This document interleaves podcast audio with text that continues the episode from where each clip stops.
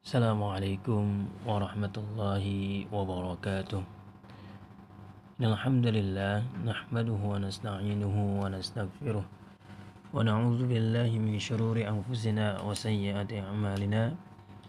من يهده الله فلا مضل له ومن يضلل فلا هادي له. أشهد أن لا إله إلا الله وأشهد أن محمدا عبده ورسوله. اللهم صل وسلم وبارك على محمدين وعلى آله وأصحابه ومن تبعهم بإحسان إلى يوم الدين أما بعد إخوة الإسلام رحمني وإياكم أجمعين para mahasiswa mahasiswi yang Allah cintai dan Allah rahmati Alhamdulillah hari ini kita bisa berjua kembali dalam materi tauhid yang insya Allah tauhid ini adalah uh, tauhid keempat daripada tauhid al-muyassar dan saya akan sampaikan berkaitan dengan Fahras atau daftar isi. Yang Ustaz sudah sampaikan bahwa halaman di dalam kitab Tauhid Al-Muyassar Ustaz mendapatkan tugas dari 102 sampai dengan selesai. Dan kita akan masuk yaitu di halaman 107 107 kalimatul laung sama sabut dahr atau mencela waktu. Sebelum itu, teman-teman, eh, para mahasiswa-mahasiswi, kitab Fars atau daftar isi Tauhid Al-Muyassar dan kitab juga Tauhid Al-Muyassarnya sudah Ustadz kirim melalui rekan teman-teman semuanya yang belum mendapatkan bisa japri melalui Bu Nahdah. Dan nanti bisa di-share oleh teman-teman yang lain. Karena memang keterbatasan Ustadz untuk mengakses uh, nomor teman-teman. Bisa juga atau nanti teman-teman menjapri saya nanti Ustadz kirim untuk langsung dikirimkan PDF-nya Baik teman-teman kita masuk kepada bab tentang bagaimana larangan mengucapkan seandainya ini hal yang menarik untuk kita ketika kita mempunyai keinginan sesuatu kemudian tidak sesuai dengan harapan. Kita mempunyai cita-cita tetapi tidak tercapai. Kita mempunyai keinginan namun ternyata tidak tergapailah yang memang ia impikan. Sehingga terkadang orang sangat mudah sekali mengucapkan seandainya atau andainya saya seperti ini bla bla bla. Seandainya saya melakukan hal yang memang seperti ini bla bla bla atau bisa berbalik lagi untuk seandainya kembali ke waktu semula dan lain sebagainya. Dan ini hukumnya adalah haram dalam surat Al-Imran ayat 154 teman-teman bisa dilihat artinya mereka orang-orang munafik mengatakan seandainya kita memiliki sesuatu hak campur tangan dalam urusan ini niscaya kita tidak akan terkalahkan dan tidak ada yang terbunuh di antara kita di sini. Dalam perang Uhud katakanlah kalaupun kamu berada di rumahmu niscaya orang-orang yang telah ditakdirkan akan mati terbunuh. Itu keluar juga ke tempat mereka terbunuh. Dan Allah berbuat demikian untuk menguji keimanan yang ada dalam dadamu dan membuktikan niat yang ada dalam hatimu dan Allah Maha mengetahui isi segala hati. Teman-teman, ayat ini berkaitan dengan perang Uhud bagaimana teman-teman yang waktu itu banyak yang terbunuh kemudian teman-teman yang lain atau para uh, sahabat ada yang mengatakan bahwa seandainya kita bisa berkontribusi, seandainya kami bisa turun itu yang memang di sama Rasulullah tidak ditugaskan, mereka berkata seperti itu. Akhirnya turunlah ayat ini sehingga apa?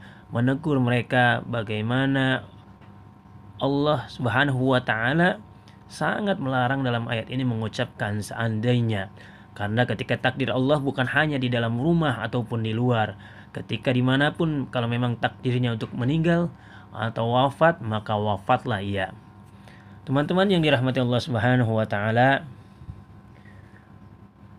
Dalam surat Al Imran ayat 168 juga Allah Subhanahu wa taala berfirman orang-orang yang mengatakan kepada saudara-saudaranya dan mereka takut pergi berperang seandainya mereka mengikuti kita tentulah mereka sudah terbunuh katakanlah tolaklah kematian itu diri, dirimu jika kamu orang-orang yang benar artinya ada beberapa orang yang berperang kemudian mengatakan seperti ini yang terselamatkan Coba saja mereka yang di rumah itu mengikuti kita, pasti mereka terbunuh. Seandainya mereka mengikuti kita, mereka pasti terbunuh. Dan ini artinya menyelisihi takdir Allah Jalla Jalaluh. Teman-teman yang dirahmati Allah Subhanahu wa taala, tentu larangan mengucapkan kata andai kata atau seandainya merupakan hal yang memang dilarang oleh Allah Subhanahu wa taala dan Rasulullah Shallallahu alaihi wasallam karena tentu membuka pintu perbuatan setan. Artinya ketika kita mengucapkan seperti itu tentu menjadi peluang setan agar kita tauhidnya lemah, tidak percaya terhadap takdir Allah Subhanahu wa taala. Tentu kita harus bersungguh-sungguh dalam mencari segala yang bermanfaat senantiasa memohon pertolongan Allah dan juga teman-teman para mahasiswa-mahasiswi juga kita harus hati-hati juga dilarang untuk bersikap lemah. Artinya menyerah tanpa usaha, menyerah tanpa untuk uh, berbuat sesuatu. Menyerah di sini bukan berarti uh, lemah yang dikategorikan lemah lembut dalam hal akhlak bukan. Tetapi di sini ketika dia mengucapkan seandainya atau andai kata ini merupakan menyatakan dirinya bahwa dia lemah dalam kondisi tidak percaya terhadap takdir Allah Subhanahu wa taala. Barakallahu fik itu adalah yang berkaitan tentang mengucapkan seandainya kita masuk kepada larangan mencela waktu. Tadi Ustaz sampaikan bahwa ketika kita membahas hal yang berkaitan dengan mengucapkan seandainya dan andai kata juga berkaitan dengan apa yang ia harapkan kemudian gagal maka biasanya dia dalam kondisi lemah. Kemudian ada pula ada orang-orang yang memang ketika ingin mempunyai sesuatu kemudian gagal dan lain sebagainya, terkadang kita dan dapati banyak orang yang gampang sekali mencela waktu. Contoh saja, sial banget hari ini kami selalu kalah jika bertanding pas hari Rabu. Ia meyakini bahwa hari Rabu merupakan hari yang sial dan ini adalah haram. Contoh kembali bulan Suro, bulan penuh petaka. Kata seorang yang sering menaruh sial pada bulan Suro. Padahal semua bulan baik, semua hari baik dan bisa jadi bukan karena memang hari dan waktunya yang menjadi permasalahan. Bisa jadi kegagalan dan lain sebagainya itu adalah karena dosa-dosa kita. Allah Subhanahu wa taala berfirman dalam surat Al-Jathiyah ayat 24 dan mereka berkata kehidupan ini tidak lain hanyalah kehidupan di dunia saja. Kita mati dan kita hidup dan tidak ada yang akan membinasakan kita selain masa waktu dan mereka sekali-kali tidak mempunyai pengetahuan tentang itu. Mereka tidak lain hanyalah menduga-duga saja. Artinya ketika ada yang berinisiatif, ada yang mengatakan bahwa hari itu sial, bulan itu sial, bahkan mungkin bisa jadi oh, detik menit juga sial, maka itu hanya dugaan saja. Dan Allah Subhanahu wa taala melalui firman-Nya ini kita harus hakul yakin bahwa tidak ada yang memang bisa membahayakan kita, tidak ada yang bisa menjerumuskan kita kecuali karena dosa-dosa kita dan juga takdir Allah Subhanahu wa taala.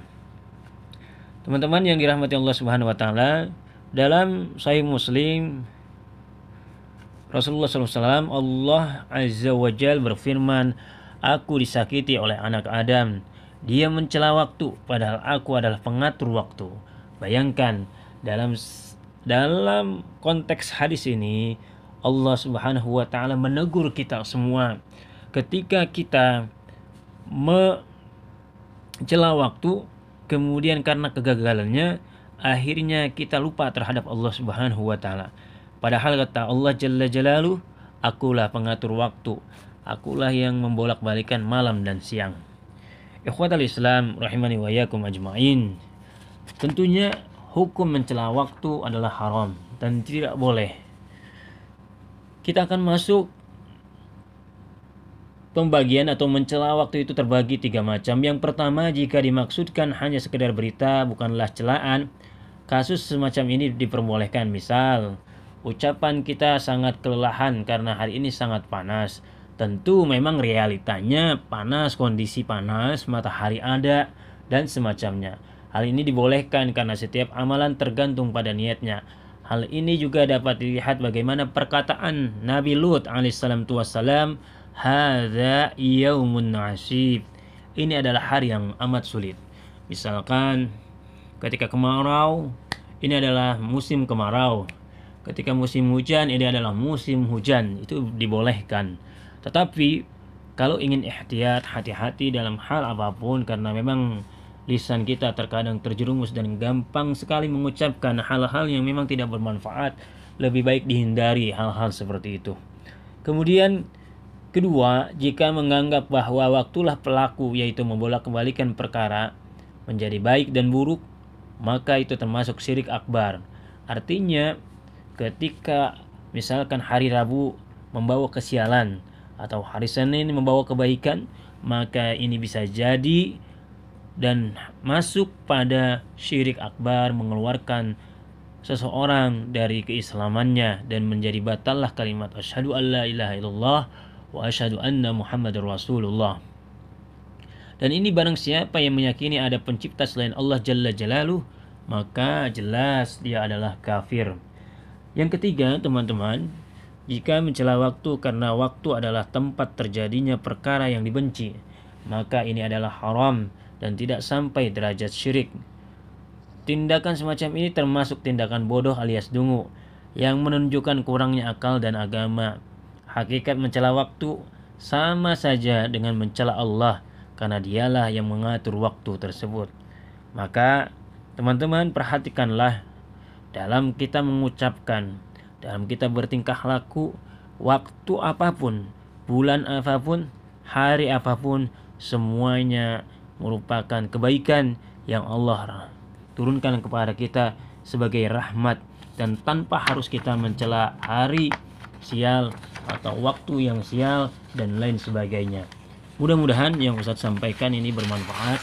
Dan kita akan masuk kembali nanti insya Allah pekan depan uh, dalam pahras atau daftar isi. Kita masuk kepada 112 yaitu adalah al bid'ah nanti apa definisi di bid'ah dan bisa apa aplikasikannya bagaimana dan juga bagaimana dikaitkan dengan kondisi di negara kita khususnya di Indonesia. Barakallahu fik, insyaallah kita berjumpa kembali. Wassalamualaikum warahmatullahi wabarakatuh.